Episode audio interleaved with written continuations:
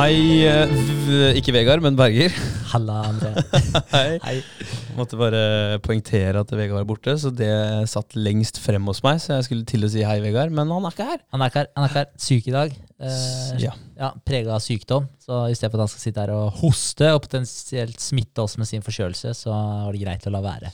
Ja, vi må alle ta hensyn. Det er eh, litt av det å være menneske, det, i nåværende, daværende, den gangens samfunn som vi lever i nå. Ja. Det er uh, bus i nesa, det, så må du egentlig bare gå og legge deg. Ja, det er ikke så mye jobb å gjøre. Eh, litt, uh, litt trøttsomt, men sånn er det. Han får komme sterkere tilbake neste mandag. Ja, Men han skal, han skal ha det da, det er ikke bare en bus i nesa. Jeg hørte at han, eh, han, er ganske, han hoster ganske mye, så det hadde, eh, ikke fordi jeg er redd for å bli smitta, men det hadde vært jævlig irriterende å ha han i rommet her. Det, egentlig. ja, ja. 100% 100 Ja.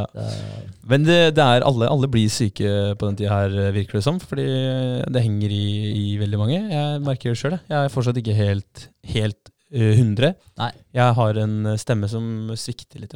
Ja. Jeg har ikke kommet eh, helt tilbake siden da jeg hadde bad stemme sist. Nei. Det begynner jo å bli en liten stund. Men jeg merker Ja. jo sånn som uh, samboeren også, hun sleit med ja, det var sånn groggy veldig, veldig lenge. Og, men det virker som at det, nå da alle har vært helt sykt flinke med å sprite hender, holde avstand. Det har vært eh, nedstenging flere steder, og så begynner ting å åpne opp, da, og folk er jo, craver jo sosialt samvær. Så de som kanskje ikke var så gira på å være mange tidligere, da er det nå attpåtil, pluss at folk begynner å møtes igjen, og immunforsvaret kanskje har fått slappe av litt Mm. vel mye av Mm. så er det klart at da, da er det å forvente litt sykdom. Mm. Men jeg føler ikke at jeg har gitt immunforsvaret mitt eh, så mye fri. Eller jeg føler ikke at jeg har eh, latt kroppen eh, være så stressfri at jeg skulle dra på sånt. Jeg føler at de tiltaka eh, man gjør i hverdagen, da, med, med sånne her, eh, syke utfordringer som man har, og kalde dusjer og jeg, jeg, jeg hadde for meg at det skulle eh, ikke kanskje gjøre meg udødelig, men jo da, det er Nesten. Nesten udødelig. Det hadde vært veldig fint, i hvert fall. Men eh, det virker ikke som om det har hjulpet. Jeg hadde tenkt at jeg ikke var av de som eh, ble tatt først, da når koronaen liksom ja, roa seg litt, og man ikke er så flink til å besprite hendene, og man ja, ja, slapper litt mer av, da. Ja, men, Men, eh, ja, nei, jeg vet ikke, men det kan hende det er litt eh, bakteriefloraen. da, at det, det er ikke så mange bakterier i en kald dusj. Nei, Kanskje det er mer bakterier enn varmdusj, faktisk. Faktisk. Ja.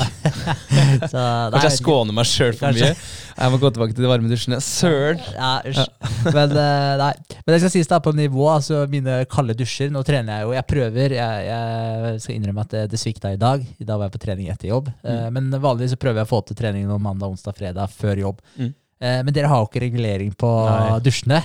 Det er, eh, det er litt annoying, faktisk. Mm. Eh, Jeg liker å kunne kontrollere den sjøl. Men da har jeg måttet ta enda et steg opp i ubehaget. Og det er jo at hvis jeg skal få til en kald dusj, da For det skjer ikke at jeg tar en ekstra dusj når jeg kommer hjem.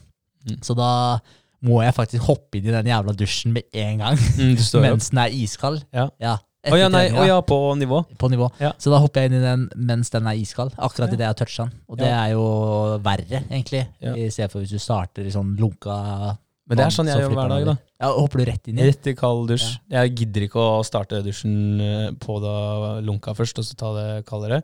Jeg skal begynne uh, painfully, og så heller få, få den gode følelsen når du kommer ut, da, og Ja. får et varmt håndkle rundt deg. Ja, men Så- da, da dusjer du bare 100% kaldt vann i hele dusjen. Mm. Sjamponering, såpe, alt kaldt. Ja, jeg vet ikke, jeg har sagt det en gang før. Jeg syns Ja. tida går så jævlig mye fortere når jeg har noe å gjøre i dusjen. Ja, Så jeg går rett inn, eh, skyller av hele kroppen, hodet, ansiktet.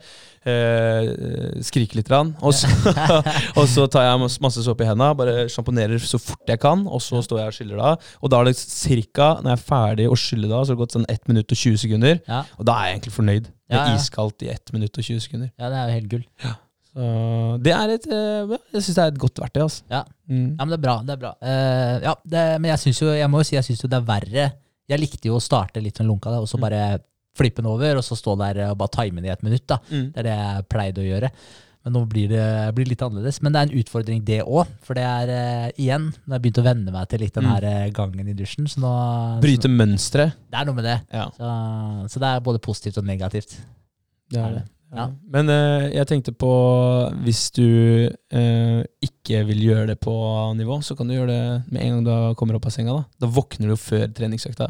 Ja, det er sant. Men Bare for å skylle av kroppen, liksom. Ja, det er sant, men da er det liksom uh, Og så skal jeg dusje på nivå igjen også, da. Så det Mm. blir liksom Waste of water. ja, Nei, altså bare Jeg vet ikke. Waste of håndklær og alt mulig. Altså. Ja, ja. Bokser og sokker og Nei, jeg vet ikke. Nei. Det bare Det frister lite, altså. Ja, Så det holder lenge med en dusj om dagen, syns jeg. Så, så det får være bra. Ja. Ellers, da? Uka? Har det vært eh, tilfredsstillende? Har det vært bra?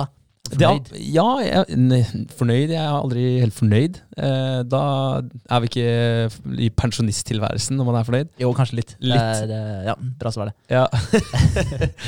jeg er godt oppdratt i dypt vann-skolen. Ja. ja, det er bra skole, det. Så. Ja, men det er det. Ja. Eh, Den skolen her skal jo, skal jo være evigvarende for oss. Definitivt. Eh, det, det merker man. Ja, jeg har uh, hatt en eh, helt ok uke, egentlig. Eh, det har vært eh, ikke så mye jobbing som jeg skulle ønske. Så jeg har veldig lyst til å gå på en sånn eh, dopamine detox som vi snakka om. Å Mm. få til det før jul hadde vært utrolig digg. Ja. Eh, så for meg sjøl så tror jeg jeg skal gjøre det. Eh, og da, da må jeg sette noen Jeg må sette noen oppgaver. da Jeg har tenkt litt på det. At jeg skal sette noen oppgaver at der, eh, mellom eh, klokka så og så, så kan jeg gå inn for å sjekke jobbrelaterte ting. Men at jeg sletter da f.eks. appene fra telefonen denne uka. Mm. Og så bruker dataen For jeg, jeg føler at datamaskinen eller Mac-en eller hva det måtte være, er mer enn eh, et reelt arbeidsverktøy enn det telefonen er. For Ja. telefonen så kan du unnskylde deg med å Ok, nei, jeg står på telefonen fordi at jeg må jobbe. Um, hvis du kommer inn i en butikk og så ser du at noen står på telefon, så tenker du jo umiddelbart at det ah, er på Facebook eller Instagram eller Snapchat. Det er ikke på jobb. 100%. Ja.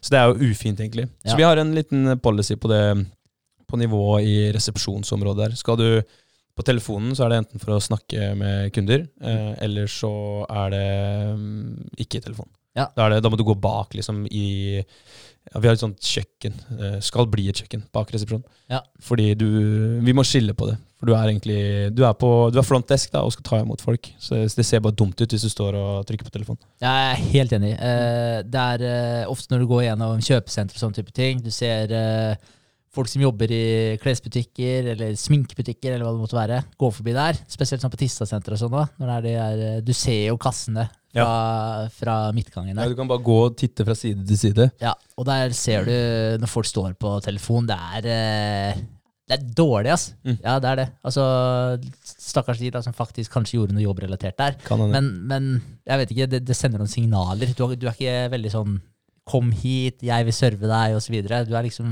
litt 'hold deg unna'-holdning. Ja, men, men det, det føler jeg egentlig bare med å eh, Hvis jeg går inn i en butikk og eh, man ikke blir sett sånn med en gang man har mulighet til å eh, oppfatte kunden. da.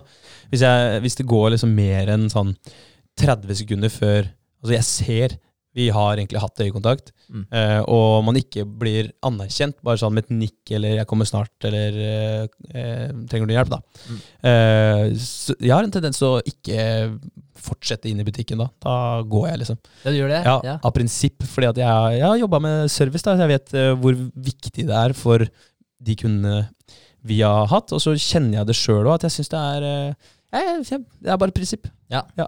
Men det er jævlig bra. Men jeg tror det er veldig viktig å, å hva heter det for liksom eh, engrave de eh, prinsippene og de holdningene der inn i kulturen på ja, eksempel eh, nivå.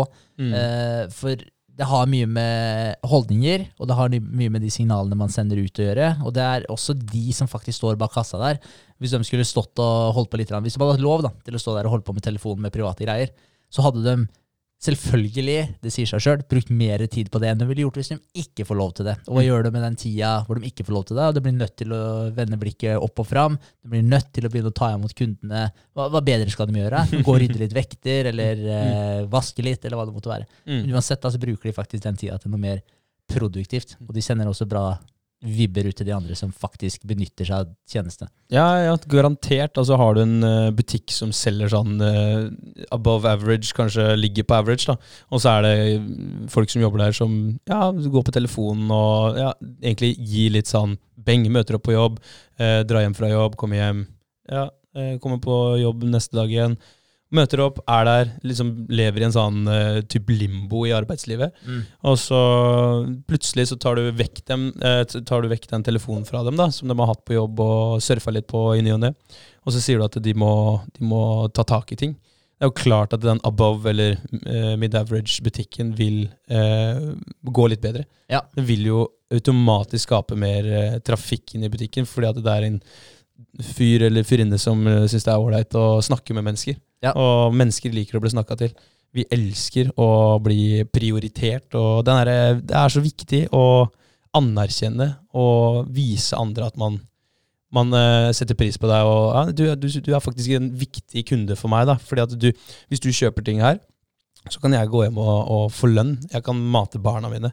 Det er, det er en tankegang som mange som jobber, ikke har. At det er faktisk de du server, de gjør at dine barn og dine, eh, din samboer kan spise god mat eh, om kvelden.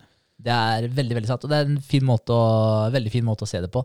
Eh, det er jo det med også altså det med å starte den kulturen der når du faktisk starter et firma, kontra det å innføre sånne regler etter at det har gått en stund. For du kan tenke deg Hvis det er noen som er litt sløve, da, og så sementerer de de sløve vanene sine med at de får lov da, å stå og trykke på telefonen i disken, og så skal du etter et år, to år, så skal du begynne å eh, si til den personen nei, det her får du ikke lov til å gjøre lenger. Så blir det sånn, ah, hva tror du du er, liksom? Altså, nå har jeg holdt på med det her i to år, og nå skal du komme og fortelle meg at det her er feil.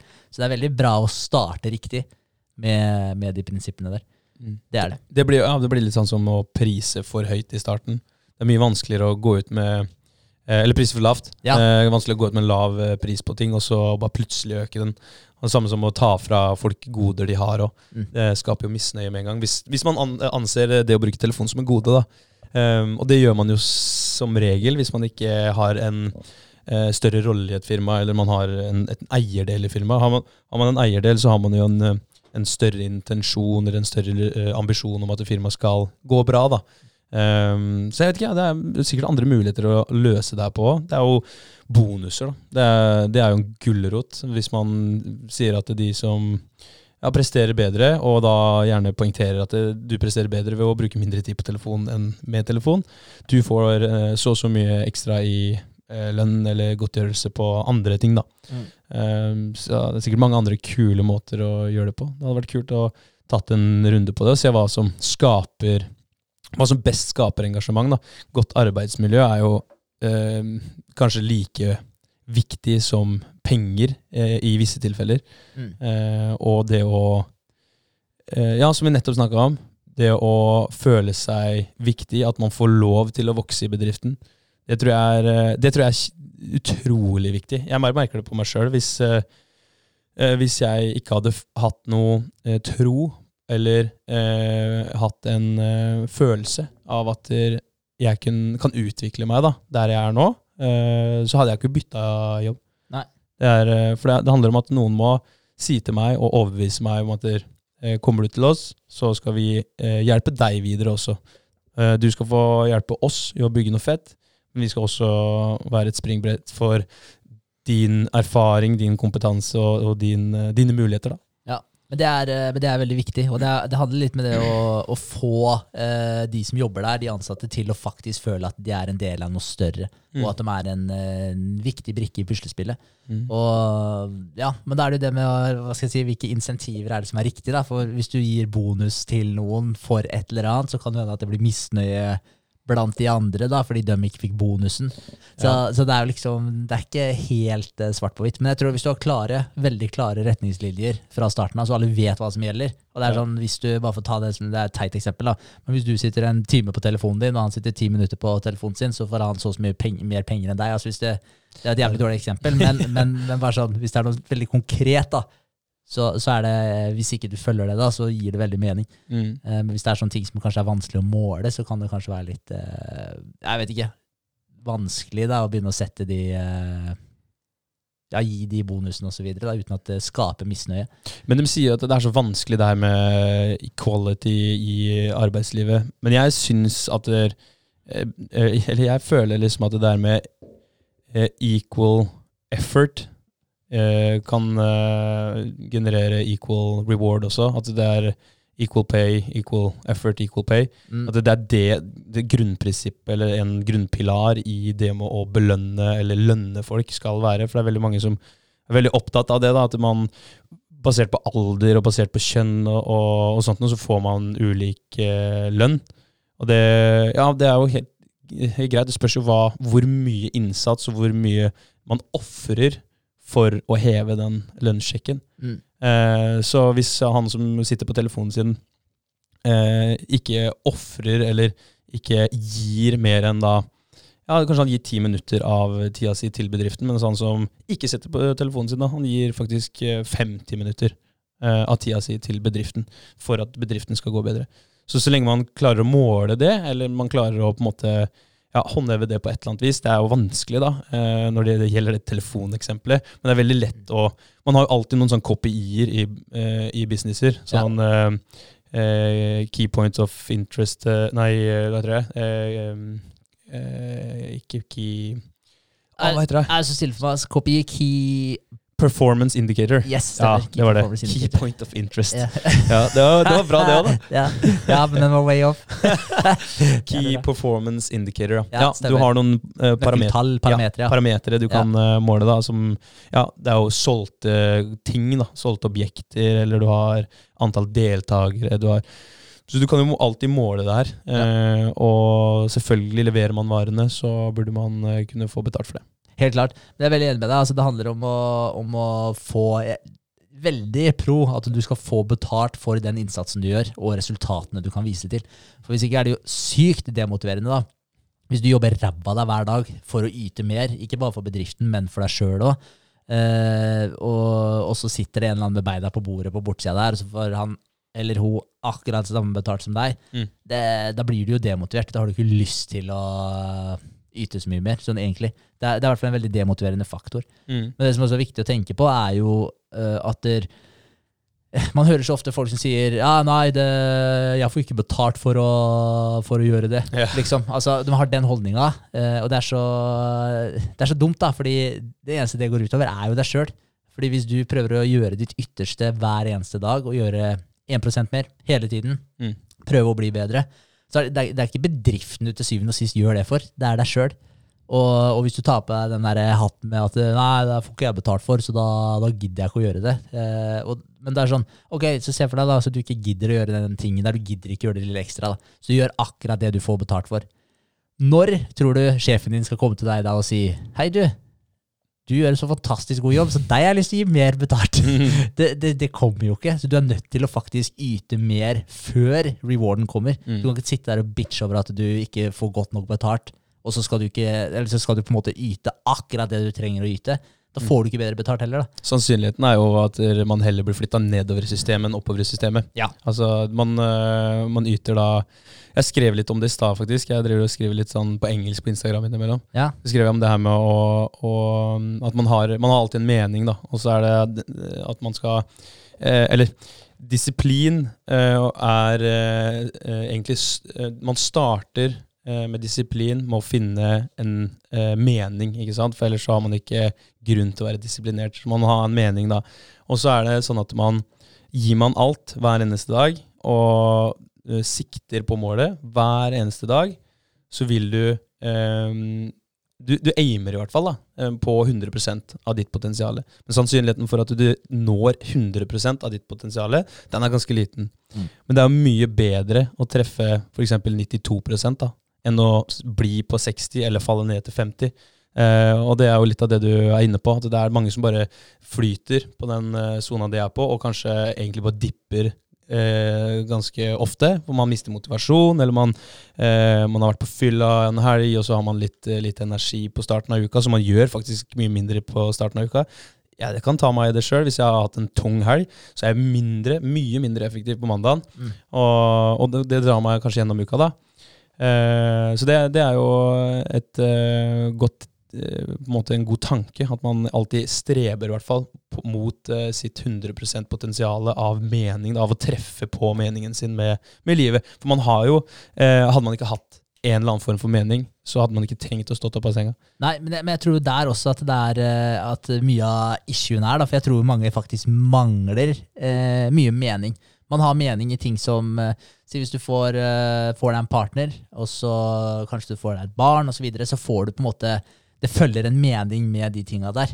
Men eh, det er ikke noe du kanskje Hva skal jeg si? Det er, det er noe samfunnet egentlig printer litt inn i deg. Det er en sånn, Du ser det overalt rundt deg. Det er på en måte en del av livet. Men det med å faktisk sette deg et mål karrieremessig, Mm. eh, eller eh, om det bare er personlig utvikling, da, prøve å nå det taket ditt, selv om du er inne på det, du når det jo aldri, men prøve å Mm. komme så langt du kan komme. Mm. Eh, der skaper det jo meninga di også. Mm. Eh, men jeg tror, ikke, jeg tror det er eh, generelt veldig få som har det overordna målet der. Mm. Og da mangler du litt en mening av, og da, og da, og da er det veldig vanskelig for deg å faktisk eh, ta det steget da, av at nå, nå skal jeg steppe opp gamet mitt. Hvorfor det?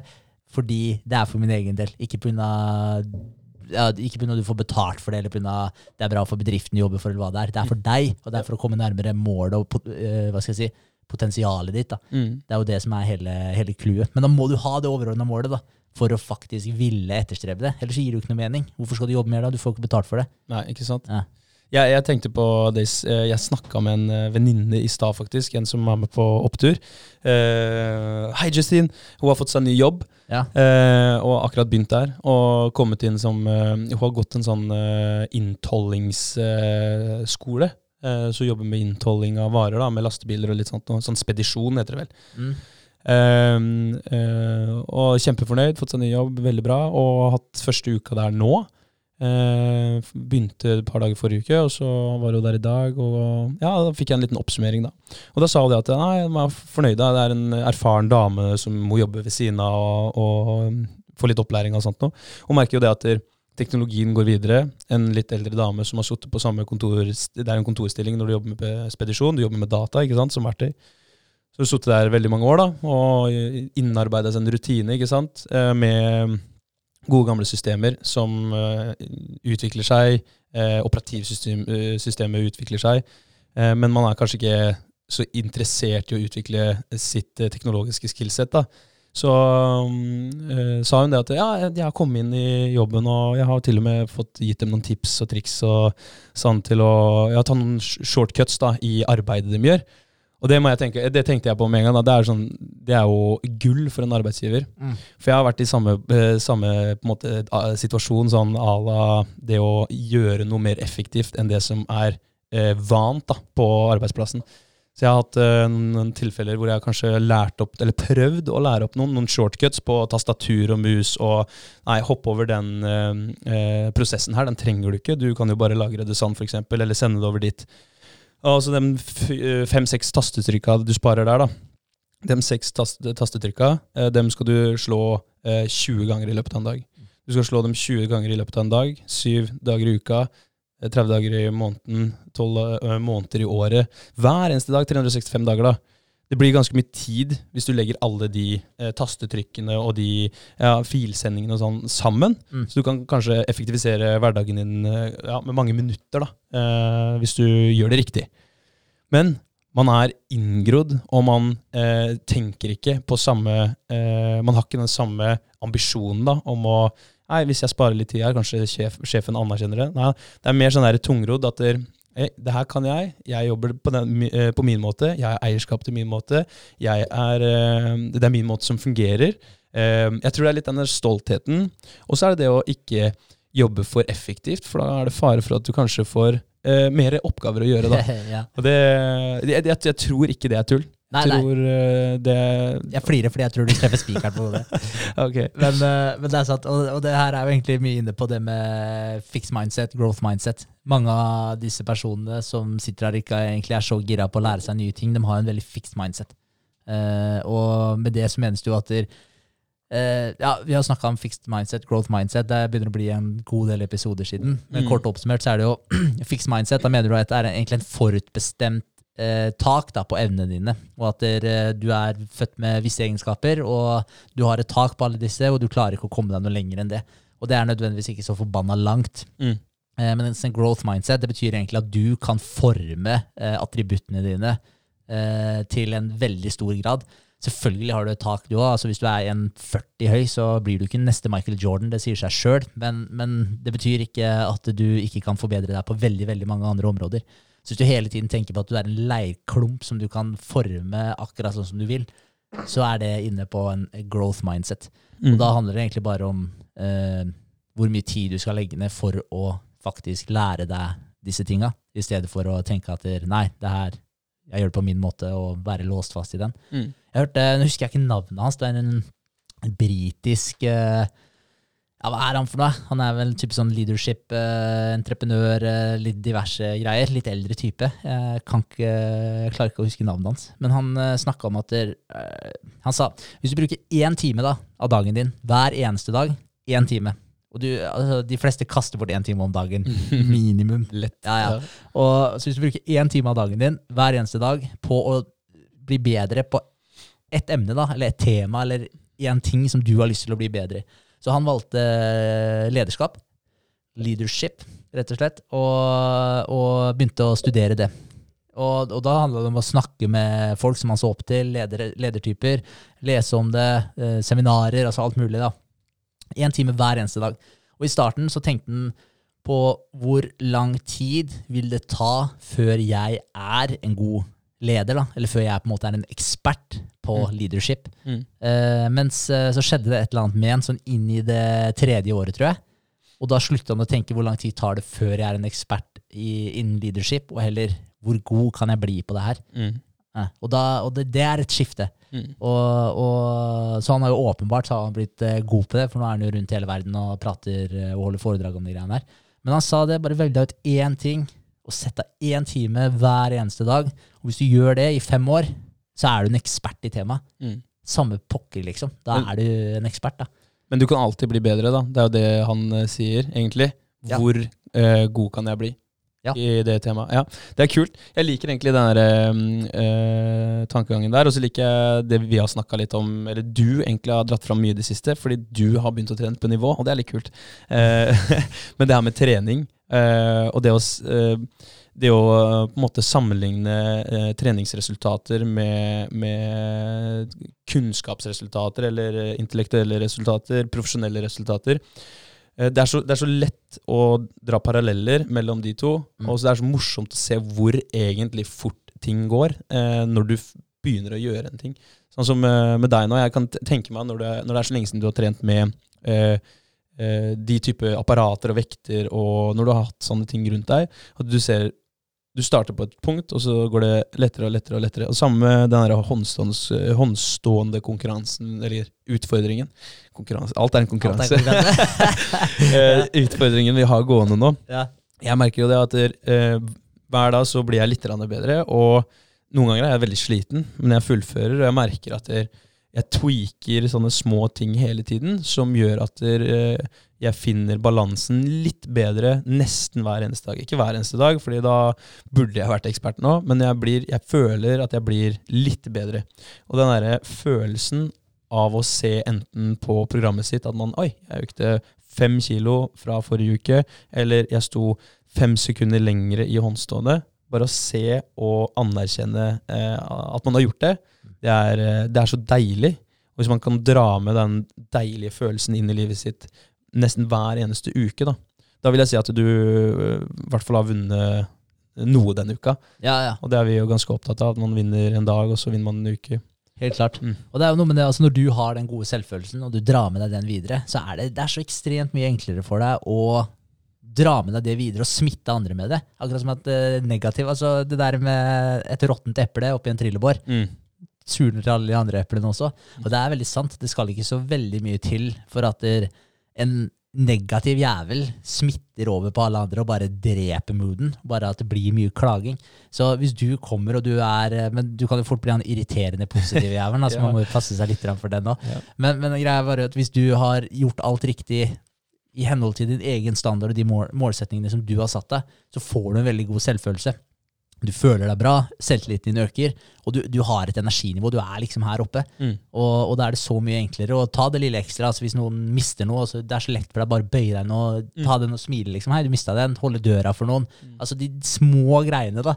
Ta med deg dem hele, hele, hele veien. Mm. Så, men jeg også merker på, bare på handstand, så jeg har jo stått veldig mye på paralletter. Så for meg er det veldig vanskelig å stå på bakken nå. Mm. Men da begynte jeg nå å trene på det. Så nå pleier jeg å ta det første minuttet og bare stå på bakken bare for å prøve å, prøve å få inn begge deler. Så, så det handler jo liksom om å sette deg sjøl i de situasjonene hvor du har muligheten til å Bli bedre. Bli bedre, ja. Ikke, ikke, og der er vi igjen da inn på den der komfortsona. Mm. Vi har sikkert drept det ordet der snart. Ja. Men, men, det er så utrolig sant, da, for du vokser ikke i komfortsona di.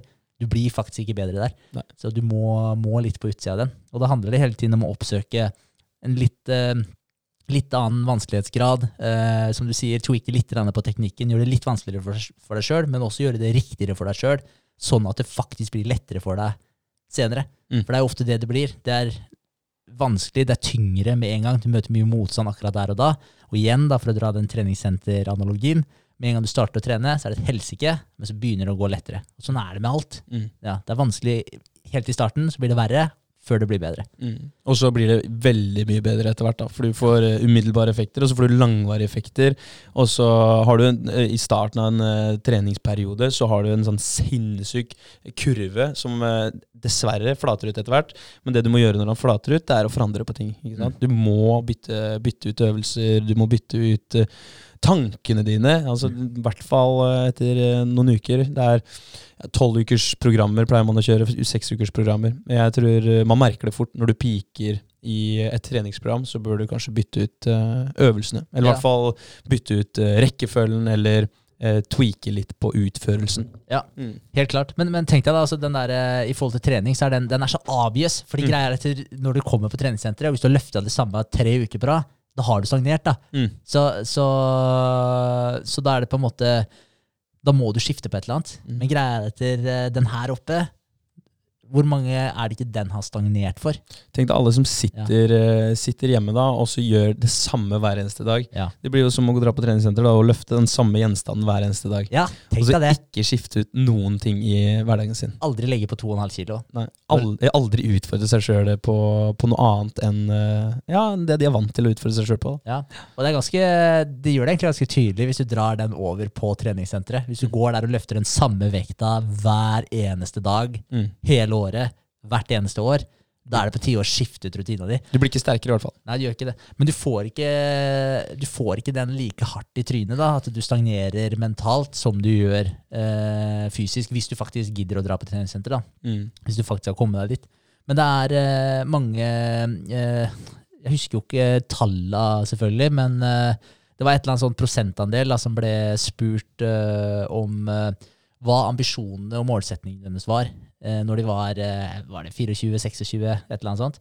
Og da var det sånn type eh, Jeg husker ikke om det var 60-70 Greia var at det var en enorm andel av de eh, som var i den unge alderen. Mm. Som var sånn at de hadde store ambisjoner da, for yrkeslivet, og de hadde lyst til å ja, oppnå økonomisk frihet, og det var liksom ikke måte på. De samme personene ble spurt sånn, var det 15 år etterpå, eller når de nærma seg 40, og det var sånn 2% av de. Som hadde klart det. Ja. Og resten var sånn derre Ja, de, de hadde bare grodd fast da, i den daglige rutina. Så det er et eller annet som skjer, da, at du bare dreper disse store, høye målsetningene. Det, må, det, som er, det som tvinger deg på utsida av komfortsona, det som tvinger deg til å forbedre deg sjøl. På et eller annet sted da, så blir det bare drept, altså. Så blir du en del av den her hva skal jeg si, smørja. Ja, det, ja, ikke sant? Det er lokomotivet som bare går og går og går, og går, og aldri, aldri skifter kurs. Ja. Men jeg tror det er eh, Det må jo være miljøet, da. Eh, Det må jo være de du har rundt deg, som holder deg der du er, og ikke pusher deg videre. Definitivt. Jeg tenker Hvis, du, hvis vi drar den treningsanalogien videre, da. Og hvis du går inn på et treningsstudio, du har ditt program med deg, og du har troa på ditt program, og du har neglisjert alle andre sine tips og triks om å trene, eh, så kan det hende du går på noen eh, smeller underveis, og jeg kan nesten garantere at du, du vil stagnere. Hvis du bare går i ditt eget hode og ikke utforsker andre ting, og ikke spør om hjelp, og ikke får, får noen som eh, helst input da, fra, fra andre eller andre steder. Mm. Og det er jo det som skjer da når du stagnerer i, utenfor treningssenteret treningssenter også, sannsynligvis. For eh, på, på treningssenter da, så har du kanskje en eh, trener på treningssenteret, eller du har en uh, trener på YouTube, eller du har en blogg, en, eh, en journal du følger, eller et program du har kjøpt. Ja, eller alle andre rundt deg på treningssenteret som du kan se på og hente inspirasjon fra. Yes, så du har mange ting da du kan, eh, kan uh, hente, hente både inspirasjon og, og kunnskap og verktøy fra. Men det er det vi kanskje unngår å gjøre hjemme. da. Når vi kommer ut fra treningssenteret, vi kommer ut fra jobben vår, så er vi kun sammen med eh, de samme menneskene. Vi ser ikke etter en mentor. Vi går ikke til de eh, personene som faktisk får til noe, for det er ikke en del av vår krets. Eh, istedenfor Vi kunne jo gjort det. Hvis vi hadde hatt litt baller, så kunne vi dratt bort til noen og spurt Hei, eh, jeg prøver å få til noe sjøl, kan vi spare litt, liksom. Mm. Det hadde vært eh, kanskje det lureste. Det gjør man jo på et treningssenter. Ser du en som løfter jævlig tungt, så går du bort og spør Hei, faen, bra jobba. Jeg har også lyst til å løfte sånn tungt. Kan du hjelpe meg? Mm. Kanskje man skal gjøre det litt oftere i eh, det dagligdagse. Definitivt. Og de fleste er jo superhjelpsomme også. Så, mm. Både på treningssenteret og i, eh, i, daily life. Ja, og det er jo egentlig bare å se på seg sjøl. Altså, hvis noen kommer bort til deg og spør deg om hjelp, når er det du sier Nei, da, sorry, det gidder jeg ikke. det, altså, du sier jo ikke det. Så de fleste er jo veldig, veldig hjelpsomme. Uh, men, det, men, det, er som du sier, altså, det er den der samfunnsmaskinen som bare baker den rutina inn i deg. Uh, mm. Det er jo det. Og, og, jeg tror 100% på det at du blir resultatet av de fem du henger mest med. Mm. Det, det mener jeg 100 så, så, det er som du sier, da, altså hvis du går i de samme banene, du jobber med de samme folka, kollegaene på jobb, eh, du kommer hjem, familien din, og du har den samme vennekretsen som du har hatt de siste 30 åra. Da er det hardt for deg altså, å, å, bli bedre eller forandre på deg. Med en gang du prøver å stikke fram huet ditt, da, så kommer de andre til å si hva faen tror du det er? Det, er det Mr. Mr. Fit som kommer? Altså, Uforventa. Ja, ja, ja mm. da, du, du, må ikke prøve å bli bedre enn eh, en noen andre, da, eller forbedre deg sjøl. Det, det, handler egentlig ikke om å bli bedre enn dem, det handler om å bli bedre enn det, enn det du har vært. Mm. Måle deg med deg sjøl. Men hvis man, hvis man, gjør det i den samme kretsen, og de ikke er vane med å se at du gjør noe som er litt utafor normalen, får du høre det. Mm. Og da er det enda vanskeligere òg, hvis du ikke er litt motstandsdyktig. Da, da, da sliter du. Det er litt deilig å tenke på at vi eh, Nå, nå tror jeg folk eh, eh, er vant til det. At eh, vi gjør noe rart noe hele tiden. Ja, det er deilig. Altså, altså våre næreste venner da, og familie. Ja. Det virker i hvert fall sånn at de fleste de fleste skjønner det, det, både i form av de konkurransene vi gjør. For plutselig når jeg er på familiemiddag, så er det sånn Å, oh, shit, jeg må stå på henda! Kan du time ja. meg, lillesøster? liksom? Ja. ja så har du podkastene, da, og så har du de forskjellige aktivitetene vi gjør med Nutriors og Nøyd og Opptur og Bedre og Nivå. Alt de greiene der. Mm. Uh, så det er litt deilig. Men det betyr også at man kanskje må overraske på andre måter. Da ja. nå, nå, blir de ikke overraska lenger over alt det andre sjuke vi gjør. Så nei. da må vi kanskje steppe det ned litt igjen, da. Nei, nei, nei overhodet ikke.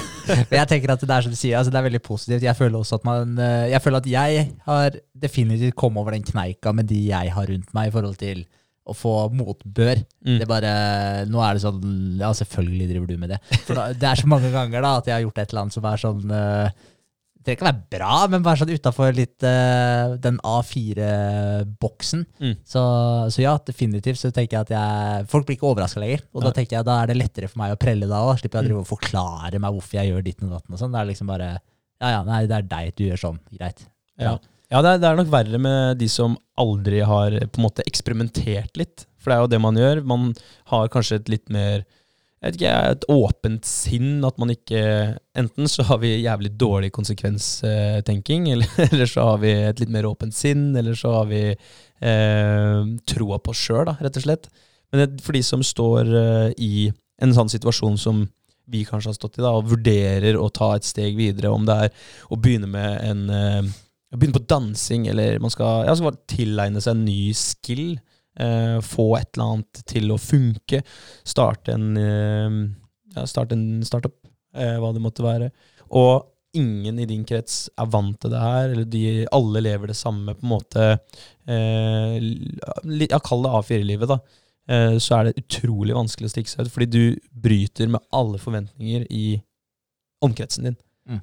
Og forventninger, det Hvis du bryter noens forventninger, så er du, så er du Ja, du er Uforutsigbar. Yes. Ja. Du, er det, du er en utstikker, liksom. Og så er du jeg vet, jeg vet, at hvis jeg forventer noe av kjæresten min, og hun ikke innfrir Hvis jeg øh, tenker oppi hodet mitt at ok, nå har jeg hatt en lang dag, hun er hjemme før meg på jobb, og så tenker jeg oppi hodet mitt, og da, da, blir det en sannhet til slutt, hvor mange ganger jeg tenker på det. Jeg tenker at ok, men da står middagen ferdig, da. Deilig. Ok, ja, men det er fint, det. Og det har jeg kanskje tenkt sånn 20 eh, 000 ganger da, på vei hjem fra jobb. den tanken. Ja. Og så kommer jeg hjem, og så er det ingen action på kjøkkenet. Det lukter uh, helt flatt inne i huset. Ja. Da er det ikke innfridd forventning, og det, da blir man skuffa. Ja, ekstra nedtur, ja. Ja. Som du egentlig sjøl har laga. Ja, for du har bygd opp den der eh, Ikke sant? Du har, eh, hva heter det, sånn der premature dopamin reward, egentlig. Du har tatt ut den før du har fortjent den. Ja, brått. Og så får du den. ja, du har lånt den, og så får du bare en smekk i trynet da når du kommer hjem. Ja. Eh, og så lar du det som regel gå utover henne, da. Eh, hvis man ikke er flink til å ta eh, tak i seg sjøl, og så bare Ok, men det her var det du som forventa. Ja. Dere hadde ikke en avtale om at hun skulle lage middag. Du bare tenkte at det hadde vært digg. Det krever litt selvdisiplin å, å faktisk ta den, eh, den der med seg sjøl, men det er det helt riktig å gjøre. Det var Mm. det. Anerkjenne, anerkjenne den. Ja, men Det var bare en uh, liten uh, digresjon for det med tanke på forventninger da, av miljøet rundt deg og de du henger med. Bryter du med det, så kan det stikke hos de. Fordi at de, da innfrir ikke du deres forventninger. Nei, godt poeng. Det er et veldig godt poeng. Men det, det jeg syns er, så- er synd, da, det er ofte at man har et, eh, en identitet eller et bilde av seg sjøl, hvordan, hvordan man sjøl oppfatter seg der ute blant andre. Og ofte så, så er man jo sin egen verste fiende i forhold til det at man eh, bryter ned seg sjøl før man i det hele tatt har prøvd. Man, man stopper seg sjøl. Og jeg er et veldig godt eksempel, for det, jeg syns det er så bra. Nå, er, eh, nå blir Andreas eh, eksempelet mitt.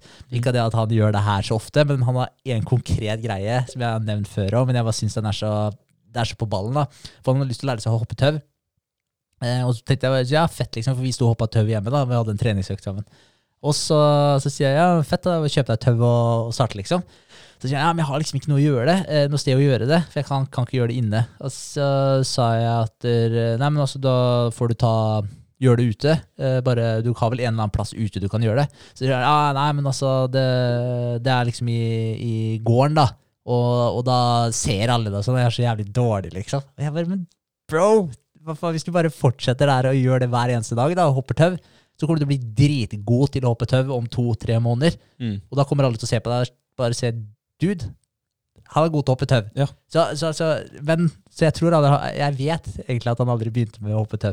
Han hadde lyst til å lære seg å hoppe tau, Mm. men han gadd ikke fordi han tenkte at det kom til å se teit ut for alle andre. Mm. Og det er så ofte da at man har eh, Nå sier jeg ikke at du er en sånn, Andreas. det var det som var et jævlig godt eksempel. Men, men det er så ofte at man har sånne, sånne greier, da, hvor man faktisk Hva skal jeg si? Man skaper eh, Ja, man bare ødelegger for seg sjøl. Mm. Ja, Enkelt og greit. Ja, Man skaper en sånn barriere for seg sjøl som Ja. er unødvendig å ha der, på grunn av at man tror at alle andre syns det er teit. Altså fordi at det er uvanlig, ja. Det kan hende folk ler av deg med en gang, men så ser de at han står på. Og da får du kanskje litt respekt fra de som en gang så på deg og sa at du var teit. For at ah, han gir seg ikke, han. Han blir bedre og bedre, bedre og bedre. Ja, det er klart det. Så når, du, når han der idioten som sto opp i fjære og pekte og lo, liksom sjekk han, han kan faen ikke hoppe i det hele tatt, jo. Mm. Og så ser han samme fyren han stå der ute og, og gjør det hver dag. Selvfølgelig får han respekt for det. Mm. Når han ser at han ble jævlig god i det, så kommer han til å føle seg jævlig dum Mm. fordi han sto der og lo av deg for en måned siden. Mm. Da kommer han til å føle seg rimelig tett i pappen når han ser at du har blitt god i det. Så kommer han til å tenke ok, jeg er en, jeg er en noob. Det er den langfingeren eh, vi alle ønsker å gi eh, de som eh, tråkker eller holder oss nede. Da. De som eh, ikke har troa, de som eh, sier at eh, det er teit, eller man, man burde holde seg til det trygge, eller Ja, de som faktisk står og er skeptisk til det man holder på med. Det er den lange fingeren der. Ja. Den, uh, Definitivt. jeg vet ikke, om- Er det derfor det heter fuck you money? Det er eh, eh, passiv inntekten og Jeg tror fuck you money. Det, er bare sånn jeg- penger du kan kaste ut, liksom. Ja, tenker jeg altså, på. det tenker jeg er liksom det på toppen Mm, av mm. det du på en måte må ha til å drifte ting. Og så Ja. har du liksom du har så mye spenn at du bare kan bruke det på akkurat hva du vil. da. Ja. Så kjøpe en bil som egentlig koster 50 ganger mer enn den bilen du egentlig trenger. Mm. Da er du fucking money. Det er Ja. sånn jeg tenker på det. Det, er, det er egentlig sånn jeg tenker på det. Jeg bare kom på det nå. Det, det kan, jo, kan jo kanskje føres litt over. At Ja. du har faktisk fått til det du ville, og da kan du feire litt ekstra. Ja, Mm. men, det er jo, men, men det er jo en deilig greie, da. Altså, hvis du klarer å oppnå mål, måla dine, og du klarer å hva skal jeg si, motsi folk på den måten, da, med Mm. handlingene dine, med resultatene dine, og vise det på den måten, så er jo det, det må være den største tilfredsstillelsen Mm. noensinne. Ja, det er mye bedre fuck you-finger enn en, uh, som er bare delt ut i sinne av en eller annen teit grunn. Ja. For det er den dummeste fuck you-fingeren du kan gi. For da er det sannsynligvis du som ikke klarer å kontrollere egoet ditt. Ja. Eh, basically. Det er det mange mannfolk ute på byen som ikke klarer. Ut på byen og i bilene sine. Ja, Da er det mange lange fingre som kommer. kommer altså. ja det er sant. Men vi, vi Ja, unnskyld. Jeg skulle bare si at vi hoppa ut i en ganske lang digresjon ut fra uka mi. Ja, men jeg kan ta oss og spille videre på den, for jeg Ja. har egentlig et tema i dag som er å feile. Ja. Og det tenkte jeg, Vi har egentlig vært eh, bra inne på det, så det er en eh, fin uh, Segway inn på det. Kjør på. Tilbake til Segwayen. Så kan vi ta uken etterpå. Ja. Men jo, for altså, vi har egentlig snakka en del om det, og det handler jo det her, eh, om det her med den komfortsona å komme seg ut. eh, selvfølgelig. Eh, men det med å feile, da det, det er veldig få som altså Det er ingen, tror jeg, som liker å feile. Og, eh, og det er jo sikkert mange grunner til det. Eh, man, det er jo aldri morsomt å feile, sånn sett. Men hele clouet er at man burde feile mye mer. Det er egentlig clouet i det. Eh, og hvorfor det? Det er jo fordi hvis du er livredd for å feile, eh, da vil du hele tiden eh, ja, spille det sikkert, play it safe. Eh, og da er vi igjen inne på den her med komfortsona. Du holder deg der, der inne. Du holder deg innenfor husets fire vegger. Har ikke lyst til å explore noe. Og du blir ikke bedre i noe heller. Så bare det ved å faktisk la være å gjøre ting hvor du kan feile, gjør at du i prinsippet feiler. Mm. Fordi du utvikler deg ikke, og du får ikke de opplevelsene eller de resultatene som du egentlig kunne fått hvis du, eh, hvis du var tilbøyelig for å feile. For å tørre, tørre å feile, liksom. Og, og det som også er litt eh, interessant med det, da, det er jo at du, før eller siden så kommer du til å feile uansett. Så det handler jo mye med måten du takler det å, å feile på. Eh, og hvis du aldri er vanlig med motgang altså du ser, Bare se på fotball og sport generelt. Nå skal du faen meg få en pokal hvis du kommer på åttendeplass. Mm. Altså seriøst, du, hva er det, hva er det du, hvilke signaler er det du gir til barna da? Mm. Du, du lærer dem jo aldri å feile. Og hva skjer da når de kommer ut i det virkelige livet, da, når du ikke kan styre hvem som får uh, premier? Da, da er de stakkars barna de er fuck dem, da. For de får angst. ja, de blir jo sikkert deprimerte Mm. fordi de havner på en uh, syvendeplass og ikke fikk uh, svær medalje, liksom, Mm. som det førsteplassen fikk. Så, så du, du eh, Hva skal jeg si? Det er de, du lærer aldri barna å feile lenger. Og det er eh, ikke en god ting. Fordi når du kommer ut i den virkelige verden, så kommer du til å feile. Før eller siden. Så det er eh, hva heter det, uunngåelig. Mm. Og da får du deg en mye større smekk i trynet da, når du først feiler. Så det blir en mye mer eh, hva skal jeg si, en knusende faktor da, enn hvis du faktisk hadde vært vane med å feile opp igjennom. Så Mm. det syns jeg ikke er bra, egentlig. Nei, for det, det handler jo egentlig da om å eh, kondisjonere seg i å eh, gjøre ting man ikke kan, som eh, har risiko til å eh, ende opp i katastrof. Mm. Eh, bare et det med Jeg bare kom på det med en gang, med å kondisjonere seg. Eh, med, å, med å dra på byen. da. Når det er dritlenge siden du har dratt på byen, så er du ikke flink i det. Og du er ikke flink til å drikke alkohol. Du er ikke flink til å, å ta de, eller beholde det inntaket som kanskje er naturlig eller bra for deg. da. Og så går det litt over styr, og så kanskje du feiler. Gå på en smell. Går på en smell, at du våkner og har angst dagen etterpå. Mm. Og da er det ganske greit å ha gjort det et par ganger før. Ja. Fordi da er det ok, nei, men da sånn skjer liksom. Da er man uh, klar for en ny dag. Det var egentlig et jævlig dårlig eksempel, men jeg, det, det, det hørtes ganske mye bedre ut oppi hodet mitt Ja, jeg, før jeg tenkte på det. Ja, jeg vil jo ikke anbefale deg å gå til å øve så mye på å drikke. Nei, men det handler om å eh, kondisjonere, da. ja, det å feile. For å, for å tørre å ta nye risikoer. For å tørre å utvikle seg sjøl, da. Det var egentlig poenget mitt. Poenget står. Mm. Jeg tok poenget, men jeg er enig. Altså det, vi har bedre eksempler på det. Ja, vi det har vi, men poenget står. Det gjør det. Eh, Men, men det er jo mye av det det handler om. Og, og første gang man prøver på en ting Det er akkurat som Andreas hoppet tau, bare for å fortsette litt på den. Håper ikke du hater meg for det jeg driver og snakker mye om den, Andreas. Men, eh, men eh, med Andreas hoppet tau, da. Der er det igjen, da. Egentlig redd for å feile. Og det gjør at Andreas ikke lærer seg å hoppe tau. Mm. Men hadde han bare prøvd å hoppe av, og- for han vet at han kommer til å feile. Men hvis du tar en approach hvor du faktisk prøver å lære av feilen hele tiden da, og forbedre det, så kan du hoppe tau etter hvert. Og det, det handler eh, om akkurat den biten der hele veien. Eh, men så det er tre forskjellige måter egentlig å feile på, som jeg hadde lyst til å gå gjennom. Mm. Eh, og den første er eh, lazy failure, heter den. Kan du gjette hva den er? Da, da feiler du med å ikke starte, tenker jeg. Eller du feiler med å ikke prøve. Ja, typ, typ Ja. du er inne på det. Altså, da feiler du si én til tre ganger. Mm. Til tre ganger. Mm. Eh, og så kjører du samme approachen hver eneste gang, og så gir du opp. Okay, fordi ja. det funka ikke. Mm. Så, og der har du typisk den derre flua i vinduskarmen som prøver å eh, Nei, unnskyld, du har ikke flua der. Det er egentlig bare ingen innsats, er det. Mm. Den kommer på neste. Mm. Men, men ja, så da er det sånn, du møter motstand, Mm. og så er det Eh, her funka ikke. Jeg kan prøve en gang til, da. Mm. Eh, funka fortsatt ikke med akkurat den samme skiten. Ingen tweak. Gir opp. Mm. Eh, så er det nummer to. Det er du dumb failure.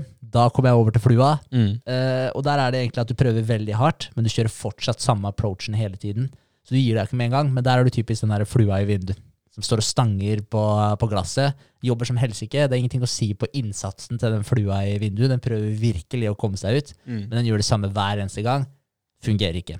Dumb failure. Mm. Eller han som skal ta den flua, da, som driver og slår etter den med handa hele tiden. Så har han en fluesmekker eh, i kjøkkenskuffen som han kan gå og hente. Ja, Det er også en uh, dumb failure.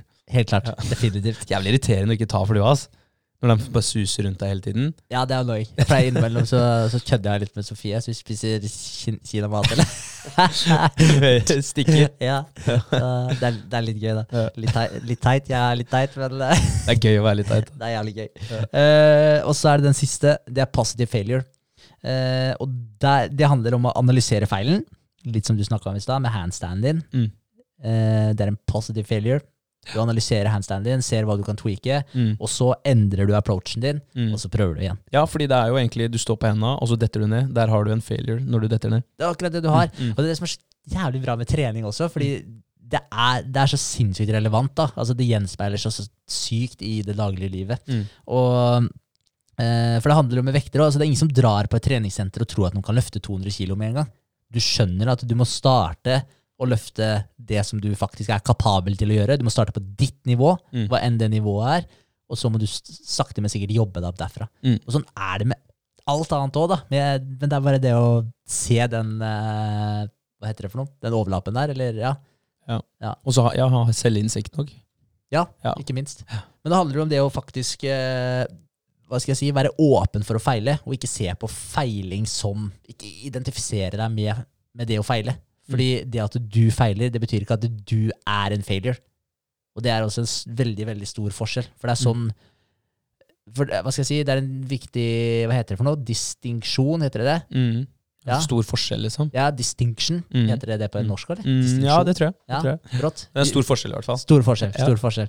Og, og, men det er det å se den forskjellen, da. Mm. Og ikke, ikke identifisere deg med nederlaget, men heller tenke ok, hva kan jeg lære av det her, hva kan jeg forandre på for å faktisk eh, gjøre det bedre. Så ta et eh, liktegn me mellom å feile og forsøke å vinne, da. Eller forsøke å seire. Det er det samme. Det er det. det er akkurat det der. Og det er litt kult, for det er et punkt jeg har eh, litt lenger ned der også. Det er det med å eh, takle suksess og feile på samme måte. For at når du oppnår suksess, ikke, ikke gå helt i skyene, og så eh, og så tenk at nå er du på toppen av verden. Men ta, ja, ja, selvfølgelig vær glad, vær positiv. Du kan jo selvfølgelig feire, feire det. Du burde feire det. Eh, helt klart. Men, eh, men eh, eh, Fuck, nå begynte jeg å tenke på pennen din, altså. Det var en failure. Ja. Jeg lover deg. Det var Ja. ikke meninga. Jeg knakk nettopp uh, den derre spenna på pennen. Ja, du er hele tiden. Ja. Jeg klarer ikke å ikke fikle med det. Jeg må legge den fram, altså, for det er irriterende. Men det, men det jeg skulle si da, det var at der, Hvis du får en sånn uh, En high da, av den uh, seieren, Mm. men ikke, ikke, ikke fly helt i taket. Ta heller også Prøv å holde deg litt nede, Mm. men samtidig Du skal få den gode, du skal få den dopamin-rushen fordi du virkelig har gjort noe bra. Men tenk hva kan jeg gjøre for å fortsette å seire? Mm. Eller kan jeg, hvordan kan jeg tweake approachen min for å gjøre det enda bedre? Du klarer å stå på hendene i ett minutt, og, men hva kan du gjøre for å stå på hendene i ett og et halvt minutt? Mm. Altså, liksom, ja. Uh, og det er jo samme, samme approachen som den her positive failure, Mm. Men den går også på suksess. Men også balanse i form av eh, Jeg vet ikke om du sa det, da, men at du, eh, når du seirer, at du ikke over blir overbegeistra. Ja. Sånn at du bremser den litt ned. Og når du feiler, at du heller ikke går helt i kjelleren. Yes. At du beholder Du behersker deg. Så bare OK, Da var det, det var eh, nok et forsøk. Eh, Det gikk gærent. Eh, Vi går et steg tilbake. Kanskje jeg tar inn litt ekspertise. Jeg spør Henrik, hvordan syns du armene mine ser ut når jeg holder dem over hodet? Har jeg litt tranghet i skulderleddet? Bør jeg få åpne opp det mer for å kunne stå rett? Så sier Henrik ja, ok, da blir det noe jeg skal jobbe med fram mot neste forsøk hvor jeg skal stå ett og et halvt minutt. Og kanskje da det ikke går. Da er det ok, nok en eh, analyse, og så forsøk igjen, og så plutselig så går det, så er det ok, nytt mål. Ja. Ja, Det er kort oppsummert det siste punktet der. Definitivt. definitivt, Helt riktig. Uh, jeg tok med noen stats fra Michael Jordan. Ja. For det er jo ingen som ser på Michael Jordan som en failure. Eh, Nei, han er jo en, bare en uh, guddommelig basketballspiller. Ja, en Mm. legende. Mm. Eh, jeg er ikke noe sånn voldsomt basketfan, men eh, same same. Altså, han er jo en uh, high performer, og high performance-folk generelt, både menn og kvinner, det er noe jeg syns er sykt interessant. Mm. Eh, men tok med tre stats fra han. Han har bomma på over 12 000 kast i karrieren sin. Matchkast. Han har tapt over 300 kamper. Og han har seriøst missa liksom eh, the game winning shot, da. Han, laget hans har stort på at han skal klare å putte den siste som Mm. gjør at de vinner kampen. Og han har feila der 26 ganger. Det er ingen som husker de 26 gangene nå. Nei, Nei. det er ikke det. Men tenk deg, det er 26 ganger, altså. Mm. Da er det, hans, det er hans feil, da, selv om han sikkert dro opp laget veldig i løpet av kampen nå, da. Mm. Men når det teltes mest, da, så feiler han 26 ganger. Den er hard. Den er hard. Ja, Men allikevel, han, han har mindseten. Growth mindset. Hele tiden bli bedre, og ikke definere seg de, de failsa. da. Cole Bryant, og jeg måtte ta med det nå, han har særlig bomma på 14 000 kast da, i løpet av karrieren sin. Så ja, så det er jo helt sinnssykt. Men greia er at det, der snakker vi mange failures, men de snur det om til å hele tiden bli bedre. Og da ser du det ingen som eh, definerer de to gutta der Nei. som failures. Det er nettopp det jeg tenkte på. Det er egentlig litt betryggende når man eh, ser hvor mye de beste av de beste har prøvd hardt og tapt. Mange mange ganger. Feila og feila og feila. Altså, ingen som sitter når man ser på dem eller hører om dem i dag og tenker over de. Man bare anerkjenner at de har, de har jobba hardt for å komme dit. Det er ikke alle som klarer det. da. Eh, mange som eh, kjører eh, det um, flaks... eh, Flaks-game. At eh, det er eh, basert på flaks at de har fått det til, for de har hatt riktig timing, de har hatt riktig foreldre, eller Ikke sant? Det er jo bare piss. Ja. for det er ikke riktig foreldre som har sørga for at de har bomma på de skudda der. Nei, Da, ikke. eller penger som har eh, gjort at de har bomma på og truffet de skudda der. Det er jo innsats. Det er eh, disiplin. Og det er eh, Ja, er, og de har helt sikkert noen gener som er eh, litt bedre enn eh, det jeg har, i form av eh, å spille basketball. Fordi han er jo ganske høy, han Jordan. da Ja, ganske store hender og litt diverse. Ja. Så det er nok noe, noe forskjell der. Ja, helt klart. Men det var sånn som jeg leste, for jeg leste litt basket-stats i stad når jeg var inne på det her. Og, og han sjølveste Var det Stephen Curry, er det vel han heter? Uh, han i Mens sesongen pågår, så tar han 300 kast etter hver eneste trening. Tre Bare tenk deg det. Mm. Altså, alle har stått og kasta en basketball i gymmen en gang. Mm. Se for deg du skal ta 300 kast etter hver eneste trening. da. Og han har sikkert trening hver eneste dag. Mm. Og når det er offseason, så kjører han 500 kast etter hver eneste trening. Og da er sånn Da blir du fuckings god! Mm. Det er jo ikke noe tvil. Da, det er jo litt sånn betryggende for oss da, som står og gjør et eller annet repeterende hver eneste dag nå. Mm. For å, egentlig for å teste oss sjøl litt, da, og for å bare ha en kul challenge å, bryne oss på. Men det er jo litt morsomt å høre det, at det faktisk gjør en ting hver eneste dag, så vil du bli litt bedre. Og det jeg er helt sikker på at kroppen og hodet adapterer seg såpass godt at dere, ok, nå står André på henda igjen. Shit, nå må vi bli litt bedre. Vi må være litt sterkere. I hvert fall til neste gang. Han skal opp og stå på henda igjen. Det, ja, det, det, tror jeg, det, det tror jeg er riktig mindset å ha òg. At man, eh, man øver så mye at man stresser. Man blir jo litt stressa, men da skal man takle det stresset litt eh, bedre neste gang. da. Mm. Helt klart. Mm. Og dermed er det sånn, tenk deg også de eh, alle gangene da, hvor man, hvor man ser noen eh, får til, altså du egentlig var inne på i stad, det er noen som får til noe helt sinnssykt bra, sånn som eh, Stephen Curry. da.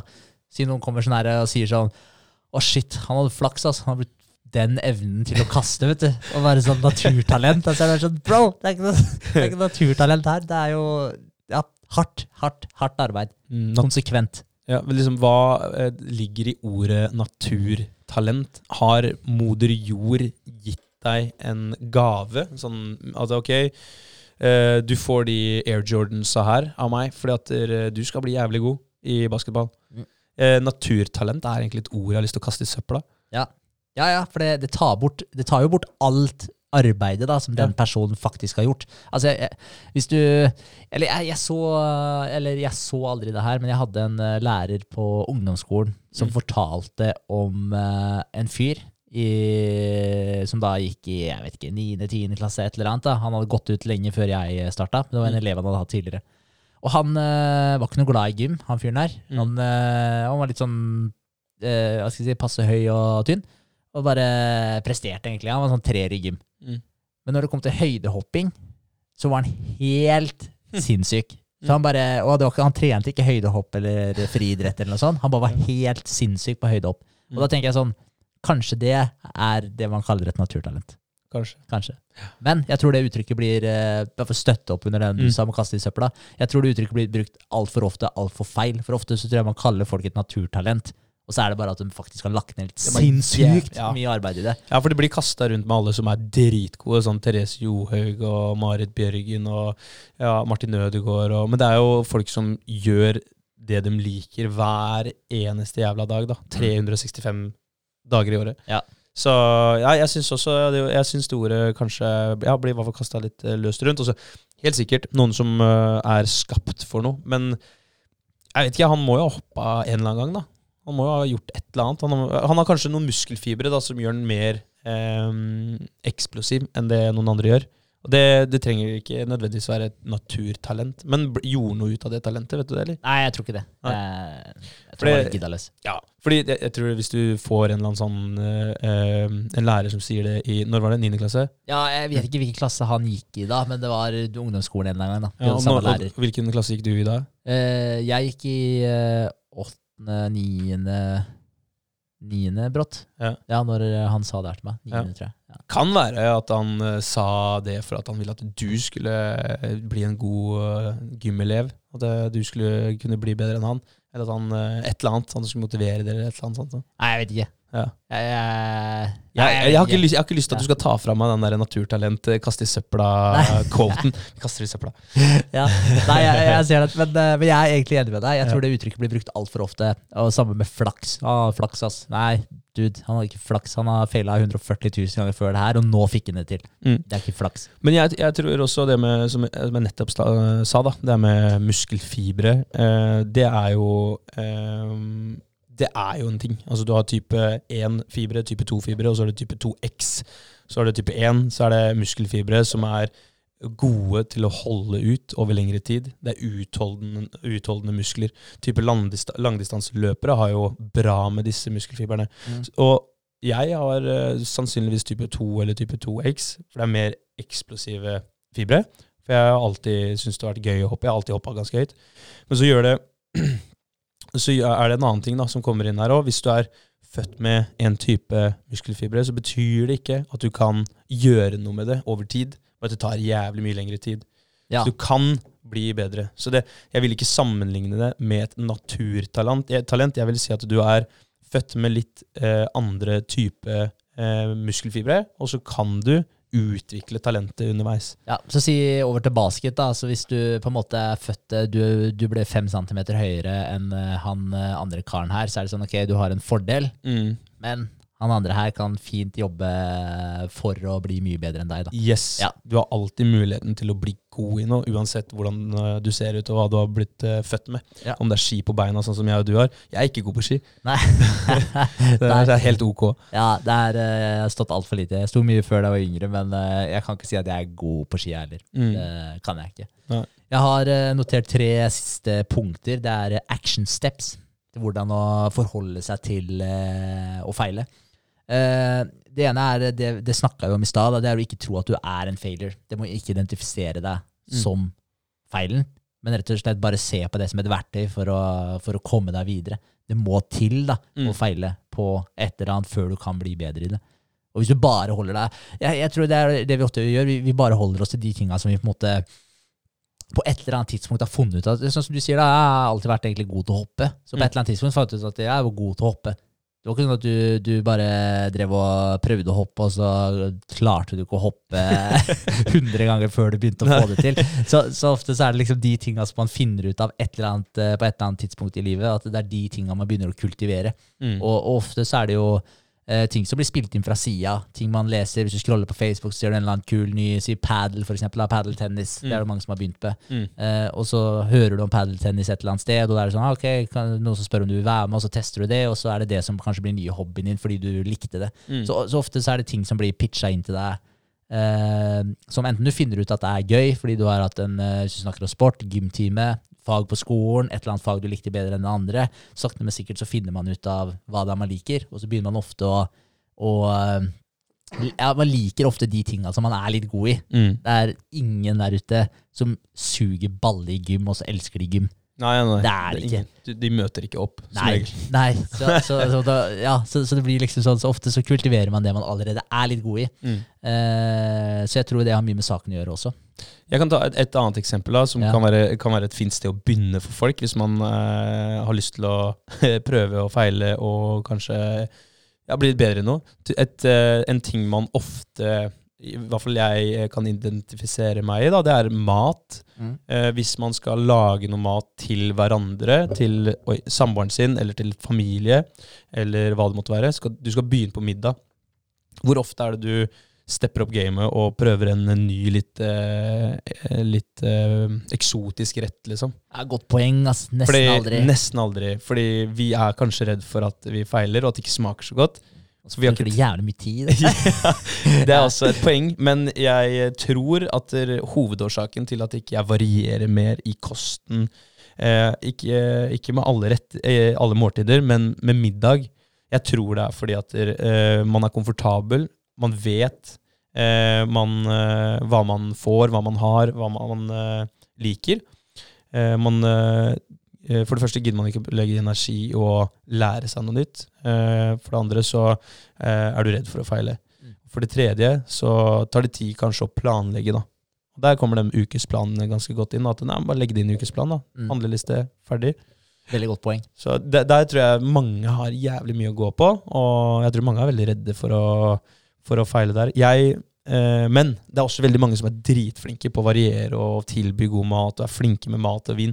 Så, men eh, det, er, det er nok eh, flere av dem som er sånn som meg. Ja, men jeg kjenner meg veldig igjen i det du sier. Og, og, men nå er det ikke så ofte Ofte så blir jeg invitert på middag hos mor og far og, og diverse, så, så jeg, det er ikke så ofte at jeg står for kokkeleringa sånn sett.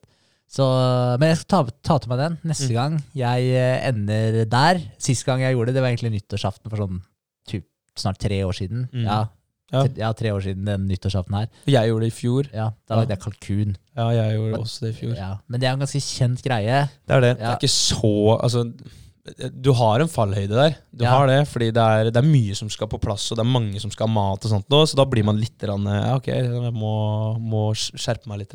Ja. Men eh, ja, det er nok den siste gangen jeg hadde Og så hadde jeg ribbe til jul da, for svigermor, med litt hjelp av svigermor og svigerfar. Ja. Eh, en del hjelp, faktisk. men, eh, men, det, var- men det er jo en mestringsfølelse følelse når du er med på, på å lage det. Og det er første gang du på en måte hoster, og du, du får gode tilbakemeldinger. Mm. Det er jo det. Og det er å ja, ta den mestringsfølelsen. Feir ganske mye, men ikke for mye. Yes. Og det skal sies, da, bare sånn shout-out til Andreas, bare for å ikke bare snakke om, eh, om feiling på hoppetau. Eh, han hjalp meg mye med den kalkulen der, og det ble dritbra. Andreas er veldig flink på kjøkkenet. Han er flink på kjøkkenet. Han er god. Ja. Eh, så, Ikke så flink på hoppetau. Nei, men han kunne vært det. Han kunne kunne vært det. Uh, det er fortsatt ikke for Andreas. uh, den andre det er å uh, takle suksess og feiling på samme måte. Det har vi snakka om. Mm. At arbeidsmoralen skal være den samme. Både ved failure og ved suksess. Mm. At du egentlig basically fortsetter, da, uansett hvem du lander på. Så hvis du klarte det, så er det bare sånn Yes, klarte det. Mm. Hva kan jeg gjøre for å bli bedre? Mm. Eh, den siste var egentlig ikke ta det personlig. Jeg har egentlig vært gjennom alle tre action stepsa. Mm. Ikke ta det personlig. Så kult. Ja. Da, men det er, det, er, det er kult, og, og jeg tror at det er, eh, det er veldig sunt å ha en annen approach til det å feile. Og jeg tror at vi burde prøve å oppsøke situasjoner hvor vi feiler mye oftere enn Mm. det vi gjør i dag. Mm. Fordi vi Hvis du ser på eh, Altså, alle som hører på, inkludert oss sjøl, vi har allerede gjort det, men skriv ned hva dere gjør i uka, og så prøv å peke ut alle punktene hvor du var sånn Ok, her var jeg langt på utsida av komfortsona mi. Mm. Jeg tror det er veldig, veldig, veldig få øyeblikk hvor det faktisk er tilfellet. Det er uh, altfor sjeldent i eh, ja, mitt liv òg, egentlig. Jeg blir fort komfortabel med ting. Eh, selv om jeg gjør mye rart. Så bør egentlig ta en ny eh, runde der, jeg. Bør egentlig ta det sånn en gang i måneden. Ja.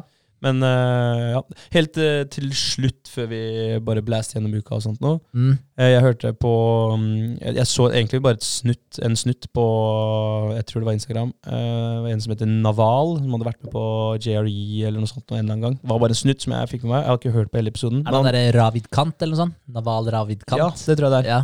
Ja, veldig interessant fyr. Uh, men han, det var en um, ting han snakka om, og det var det her med å peke seg ut et mål. Eh, og han hadde den, eh, samme, det samme bildet på det, eh, den samme analogien som du eh, egentlig er veldig flink til å forklare, og som jeg har adoptert, adoptert eh, og syns er fin å bruke, den med fjelltoppen. ja. Når du er på vei opp den fjelltoppen, eh, så følger du en eller annen sti. Eh, og den stien tar deg til et visst punkt, og så kanskje den veien plutselig slutter. Eh, eller eh, det står et eller annet i veien, så du ikke kommer deg høyere opp. Men du ser fortsatt fjelltoppen, som du har lyst til å gå opp til.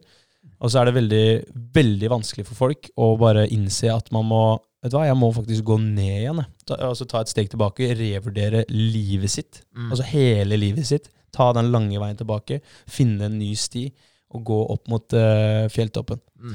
Det er det veldig mange som uh, jeg tror ikke gjør. Altså den blir værende halvveis oppe. Uh, de tar ikke uh, et titt i, i speilet eller setter seg ikke ned og ja, selvrealiserer, eller hva jeg skal kalle det. Og se på uh, kunstnere, se på artister. Ta U2 eh, eller et band jeg kjenner godt, da, Bring Me The Horizon. Mm. Fett band. Men de har gått opp eh, et fjell, eh, satt seg et mål. Det her er den type musikken vi digger å spille. Vi har spilt den, vi spiller den fortsatt. Og så har de kanskje levert ut den eh, skiva. Og så har de ikke fått en god mottagelse. Og da var de halvveis på vei opp mot, eh, mot eh, fjelltoppen sin. Ok, hva skal vi gjøre nå, gutta? Ok, Vi tar et steg tilbake. Vi lager en ny skive. Så ser vi hva som skjer her. Vi tviker den litt. Kanskje folk liker det like godt, eller enda bedre. Eller, så vi må i hvert fall prøve, da. Det er veldig mange eh, eksempler av det i den kunstneriske eh, delen av eh, business. Mm. Eh, kanskje ikke så mye i eh, på måte det hverdagslivet. At man eh, må faktisk bare innse at det, det her funka ikke. Vi må ta et steg tilbake. Men det er kult. Jeg, jeg, jeg digger jo den uh, Ja, det temaet der òg. Jeg syns det er dritfett, men jeg digger den analogien der òg. Jeg gjør det. Og, men det er, det er verdt å tenke litt på. For det første, hva er målet ditt? Og for det andre, er jeg, er jeg på vei dit jeg vil være? Hvis jeg kunne signa det perfekte livet mitt, hva hadde det vært? Og da Mm. mener jeg null begrensninger. Mm. Ik ikke, ikke ta det i den derre frameworken som du har per dags dato. For den, den er skada. Og det bryr jeg meg ikke om hvem du er. Den er mest sannsynlig skada, inkludert min egen. da. Mm, mm. Men, men det er jo noe du må skifte på hele tiden. Men, men sett deg bare sånn hva, det, hva hadde vært det perfekte livet ditt? Og, og så sjekk ok, men hvordan kan jeg begynne å jobbe meg mot det. Men det er som du sier, da, ofte da så må man gå inn i seg sjøl, drive med litt selvransakelse. Mm.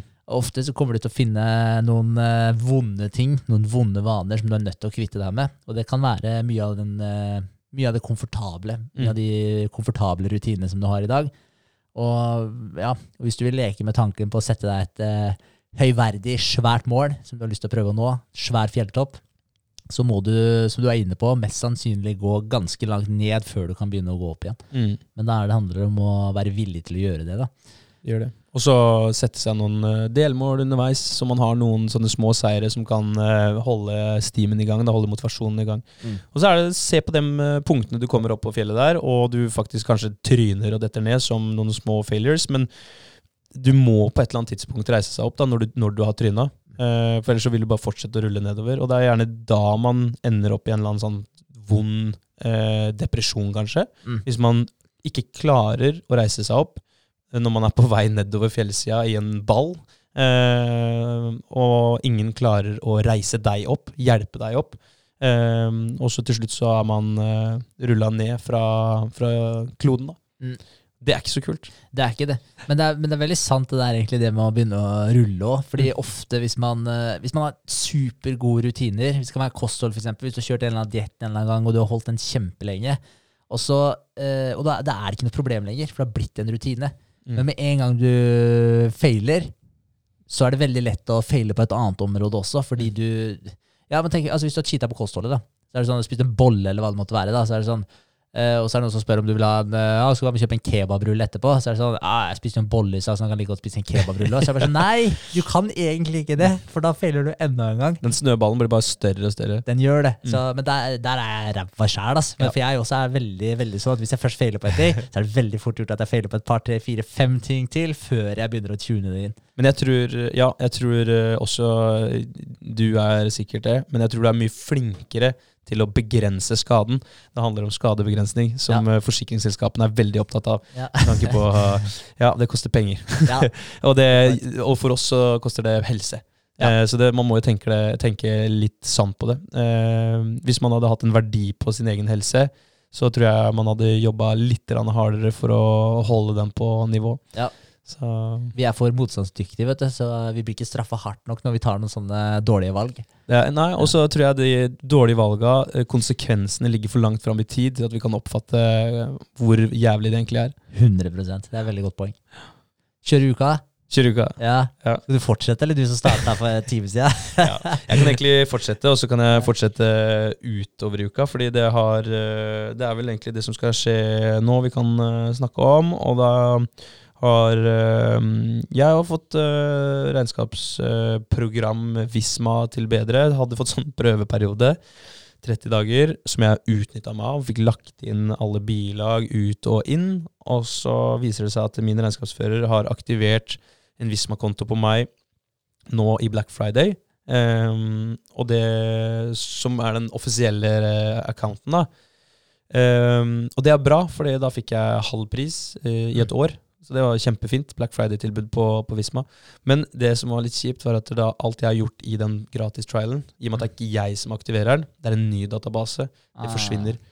Ja. Så jeg må sitte det tar, altså Du vet jo det her, det tar Ja, ja, litt tid. Jeg ga opp, jeg. Jeg spurte bare om hun kunne gjøre det. Ja. Ja. Jeg lurer på om jeg skal gjøre det samme. Ja, det- ja. Eh, Men eh, det her er, ja, fordi det er jo på andre Det er på opp, nei, bedre. Ja. Eh, så på Nøyd så har jeg jo Ingrid også, som ordner det. Mm. Eh, men så det, det må jeg enten ta stilling til, eller eh, faktisk gjøre. Det blir noen timer, da. Så ja, jeg skal se litt hva Arild og dem skal ha for å ta jobben. Men det var, det var liksom eh, Det var eh, Jordan Peterson uh, snakka om et sånt regnestykke som blir gjort en gang i Eller det har, blitt gjort på mange ved mange, hva heter det, i mange omganger mm. i forskjellige settinger. Men de regner ut hvor mye timene dine er verdt. Ja. Og da snakker jeg om den timen som vi sitter her nå og prater. Hvor mye er tida di verdt? Og det går an å regne ut. Mm. Litt usikker på hvordan de, eh, nøyaktig hvordan de regner det ut. Men det har i forhold til uh, hvor mye inntjening du har eller året, forbruk osv. Uh, de, eh, eh, det er estimert sånn et eller annet sted da, fra 350 kroner timen til 1000 kroner timen, sikkert over det òg. og da spørs det sikkert hvilket land du bor i, Mm. og timene våre da, de har i hvert fall, ikke bare vært 350, de er sikkert 500, kanskje mer enn det òg. Ja. Og da kan du tenke deg, da, hvis du skal sitte ti timer med det regnskapet, da, så vil det i, i, i teorien da, så vil det koste deg tu, nei, 10 10 000 000 kroner. kroner. Ja. Ja.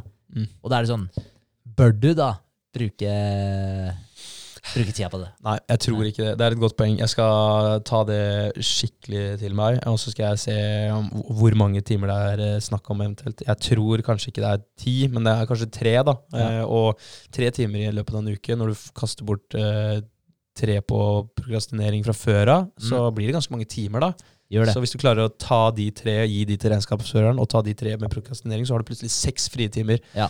Så Da kan du få utretta store ting. André. store ting. Yes. Så det er planen. Og så er planen nå, etter Espen har lagt eh, Theo eh, i morgen, å henge med han og se om vi får eh, realisert noen av de eh, punktene vi har på to do-lista vår. Ja, kult. Så um, Ellers så er det møte med hun eh, vi har planer om å møte på fredag. Ja, Ja. spennende. Spennende. Ja. Det blir veldig interessant. Jeg gleder meg egentlig masse, for ja, det er eh, det er meg, deg og Vegard, da. Og Ja. vi har jo en, eh, en ting gående som vi er veldig glad for og glad i, og har lyst til å fortsette å jobbe med. Og så tenker vi da må vi få litt hjelp. Yes. Så det var litt kult. da. Jeg kan ta en kjapp recap av det nå. For da eh, ble med på noen sånn markedsføringsgrupper, og så var det ei dame der som hadde lagt ut et eh, innlegg om at hun ønska å danne seg mer erfaring.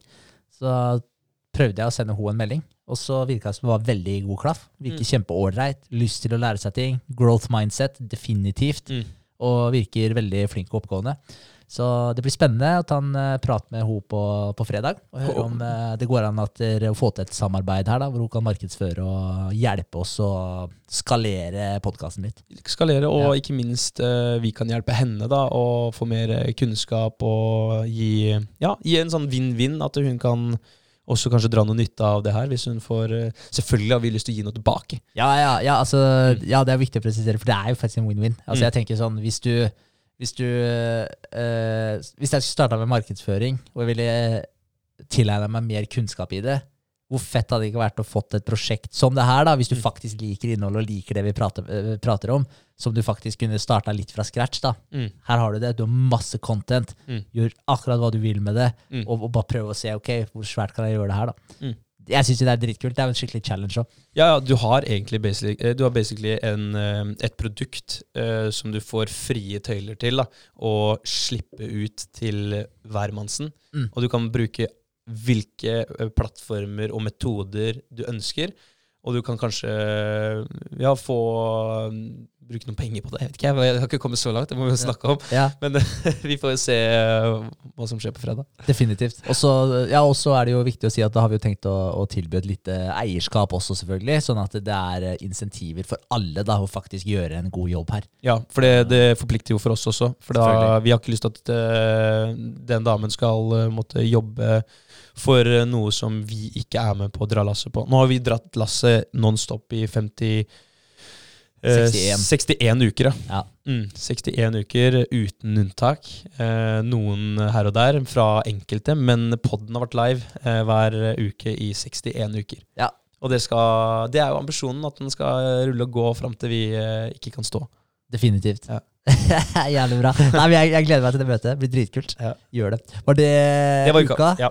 Fett. Eh, Jeg kan jo ta litt om uka som har vært. Eh, Jeg har eh, Vi pakka jo for en eh, kar eh, som testa disse fòrpakkene våre. Det var en suksess. Veldig, Nice. veldig kult. Han var veldig fornøyd. Han eh, sparte Gikk ned fra å bruke ca. en eh, time, altså røffel, han brukte sikkert litt i underkant av en time, da, Mm. eh, på å fòre hestene sine hver eneste dag, til å gå ned til fem minutter. Oi, dæven. Det er kult. Ja, det er kult. Så, så han digga det jo, så han sa det var skikkelig nedtur da han begynte å pakke posen igjen. Mm. Så det var, eh, det var utrolig kult. Så eh, nå skal vi bare finne ut eh, For da spurte vi om han hadde lyst til å fortsette med det. Og det har han. Mm. Nice. Så veldig kult. Og da Det eneste vi må finne ut, det er hva det gjør med kraftfôret. Vi vakuumpakker det. Så bare finne ut, Han et spørsmål hva gjør det med kvaliteten på kraftfôret. Mest sannsynlig så forbedrer det kvaliteten, fordi du fjerner oksygen, det blir mindre, du hemmer jo bakterievekst. mm. Så, så jeg vil jo tro at det er positivt, men jeg skal bare finne en god kilde på det. Så jeg eller Vegard Mm. eh, finne en god kilde på det, sånn at vi bare kan bare vise den. Se her, Mm. det blir bedre, og det er, eh, det er good. Så da kommer vi til å skrive en kontrakt på, på det. Så kult. Er det bedre enn hva da? At det ligger i eh, løsposer, liksom? Ja. Ja. Altså Den pakker jo kraftfôr i dag i sånne sekker, eh, og de er jo ikke lufttette. Eh, sånn sett, Så det er, det er jo ikke vakuumpakka i dag. Eh, jeg tror jo grunnen til at de kraftfôrprodusentene ikke gjør det, tror jeg egentlig bare det er fordi det er en unødvendig prosess for dem. Eh, Ok. Holdbarheten på kraftfôr er tre måneder, Ja. og det er jo mer enn lenge nok til at de klarer å bruke det opp. Ja. Så jeg tror bare ikke at de trenger egentlig å innføre vakuumpakking, for det er ikke, noe, det er ikke behov for det. Nei, det er ikke 20 hensikt. Nei. nei. Så jeg tror bare det blir dyrt og unødvendig for dem. Mm. Uh, tror jeg, men det må vi jo bekrefte. Så da har jeg skrevet en uh, salgskontrakt denne uka her. Uh, Kult. Ja, så det blir veldig kult. Så da er det forhåpentligvis, uh, når vi får landa den, så er det første betalende kunde. Og da er planen å selvfølgelig få flere kunder. Og det er jo da, da har vi jo en inntekt. Og hvis vi kan vise til flere, hvis vi kan få folk på en venteliste, typ, da, at det her er jeg interessert i også, da har man en perfekt case å dra med seg til eh, investorer. Ja. Så det er eh, dritkult. Så det var utrolig gøy å få de positive tilbakemeldingene fra han. Mm. Og han har et kjempebredt nettverk også, som vi kan eh, Dra nytte av, ja. Veldig. Så nei, så det er helt gull. Men begynner den fra nå, eller? Eh, Hvis eh, alt går etter planen med ja. vi må bare finne ut om den her eh, vakuumpakking. vakuumpakkinga først. Så vi kunne jo egentlig bare poka hull i dem også, da.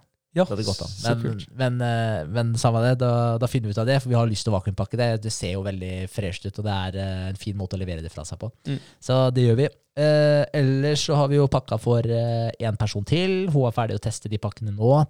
Eh, så der må vi ta en liten oppsummeringssamtale om hvordan det har gått. Eh, og så har vi egentlig pakka for en tredje person også. Oi. Har vi. Jeg vet ikke hvor aktuelle de er som uh, kunder. Det kommer til å koste noen kroner, den løsninga vår. Mm. For det, det er litt krevende. Har du presentert det for han første? Ja, Prisen? pris sånn, ja. ja. Så han får det rabattert, da. Ja. Så han, ettersom det er veldig lettvint. Han har, eh, det er der vi pakker, har han fôret sitt. Så, så vi slipper veldig mye hassle. Og Mm. pluss at han har et veldig bredt nettverk som han kan hjelpe oss med, og han er veldig positiv til å sette oss i kontakt med folk. Så, så det Ja. skulle bare mangle. Han blir en slags ambassadør. Ja, Mm. på en måte. Så det skulle egentlig bare mangle. Eh, ja, så da er det litt uh, testing der. Ellers så har jeg tatt og ringt uh, mange hestetrenere rundt på travbaner rundt omkring. Der er det jo mange staller rundt uh, travbanene. Eh, og der er det en trener da, som leier en stall eller eier en stall, og så plasserer folk hestene sine der, og så trener de dem over en periode. Mm. Så jeg har ringt og avtalt uh, møter, så det blir en del uh, farting nå innover til Momarken og Bjerke. Ja, de store hesteområdene. Ja. kult. så, så det blir veldig gøy, og det er, folk er positive til å komme, at vi kan komme og ta en prat med dem. Ja. Så da har jeg ikke pitcha så mye om hva vi driver med, jeg har egentlig bare forespeila at vi, vi hører litt hva de Hvordan rutinene dømmes, er- dømme, rutinene deres er, Ja. og hvordan vi på en måte, om det er noen steder vi kan hjelpe dem, da, for å se For det, det er en ting i forhold til kundeintervju. Uh, der har vi bomma grovt tidligere, fordi vi bare er urut og kan det ikke, rett og slett. Mm. Men nå har vi fått mye mer innsikt i det, og det handler veldig mye om å, at du ikke skal legge ord i munnen på folk. For du vil jo finne ut hva er sannheten, hva er behovet her. Mm. Og hvis du kommer med sånn Du, vi har sånne fòrpakker og sånn, er det noe du kunne tenkt deg, eller? Mm. Så er det sånn. Ja. Ja, ja. Så, så det blir litt sånn, da. At da så da, da er det ikke sikkert det er, da er det bedre å finne ut hva, hva slags problemer har du hatt. Du- Altså, du skal alltid snakke om i fortid. Mm. Hva, når var sist gang du hadde et problem? Eh, hvor ofte har du det problemet? Eh, har du tenkt på noen løsning? Har du prøvd å fikse det problemet? Hvor stort er det for deg? da? Mm. Eh, og hele tiden eh, snakke om rutine. Hva gjør du hver eneste dag? da? Er det noe av tida di du kunne ønske du kunne brukt til andre ting? Eh, hva er det som du føler er unødvendig av det du gjør, men som må gjøres? da? Og så videre. Så, så hvis man spør Peiler deg inn på pakkinga. Men da finner du sannheter, da. Ja. Uh, fordi du snakker om de tilbake i tid. Mm. Så, så det er lurt å ikke snakke fram i tid, for der har vi bomma veldig. Mm. Så det er det vi skal gjøre med de her nå. Så tar vi med oss noen fòrpakker, uh, og så kommer vi til å vise de fòrpakkene også etter at vi har hatt samtalen. Mm. Så for å vise litt hva vi driver med, og se om det faktisk er et behov der de holder på. Så det blir veldig spennende. Så det blir mye farting og kommer til å ta mye tid, men det føler jeg er uh, veldig bra å bruke tida si på. Vi kommer til å lære mye av det. Så- Moro. Ja, veldig kult. Det er et fint eksempel egentlig på det vi har snakka om i dag. Noe av det vi har snakka om i dag. Eh, det er jo akkurat det her med at Nutri Nutrihorse, eh, fjellet, der gikk man opp mot eh, en eh, app man måtte betale for per, måneden, Mm. per måned. Og så kom man litt opp i, på det fjellet, og så titta man rundt seg at den stien der så ikke så bra ut. ass. Skal vi se på noen andre veivalg? Eller? Ja, men da må vi ta et steg tilbake. da. Vi må kanskje ja, sette oss ned og tegne noen nye skisser, og vi må skrive en ny forretningsmodell, eller vi må ha en ny pitch. da. Mm. Ja, Det tar litt tid, men ja, vi gjør det. Hvor er dere nå? Kanskje litt lenger opp på det fjellet dere er på vei opp. Definitivt. Men det, er, men det er som du sier, og misforstå meg rett, det var smertefullt å innse at det, ah, det var ikke helt det her folk ville ha. Eller eh, folk er ikke villige til å betale for akkurat det her. Mm. Så å, å skifte på den, det var, eh, det var ikke bare gøy. Nei. Men samtidig så er det sånn, eh, da må man innse, som du sier, da, at den stien her ser kanskje ikke så bra ut. Og Mm. prøve å pivotere og gå ned og opp igjen før, før det er for seint. Ja. Så, så det føler jeg jo vi har klart bra nå. Så får vi se hvor langt den stien her går, da. Selvfølgelig. Og så kan det hende at den andre stien blir tråkka opp ganske bra med hjelp av den stien dere går nå. Ja. Eh, så, men hvem vet? Det kan hende at dere får en sånn superultimate løsning med en fullverdig hesteplattform. Ja, og det er jo planen også. Så Ja. den fòrkalkulatoren som vi har delvis allerede laga, den, eh, den er jo heldigvis ikke forgjeves. For Nei. planen vår er jo å bruke den videre òg. Men Ja. abonnementsmodellen og hele den pakka her, den har vi skjøvet til side. Ja. Så, men det er bra. Så det er, eh, det er egentlig litt det uka har gått med på. Eh, Så var det noe julebord og greier med jobben til dama i helga, så litt, eh, litt andre ting òg. Eh, ellers til uka så blir det jo da å ha en del møter, da. Det, Mm. Det er møtevirksomhet i uka. Ja, Mm. mye. Så det Mm. blir, blir mye farting, og det er jo innover i Innover i Mysen og Oslo. Ja. ja Så det er jo litt kjørevei for oss, da. Ja, Å jobbe i bilen, da. Eller sparre i bilen. Ja. Mm. Det er bra det å sitte og prate litt og pitche litt. eh, Ideer, ja. Ja. Og eh, Hva heter det for noe? Eh, tanker.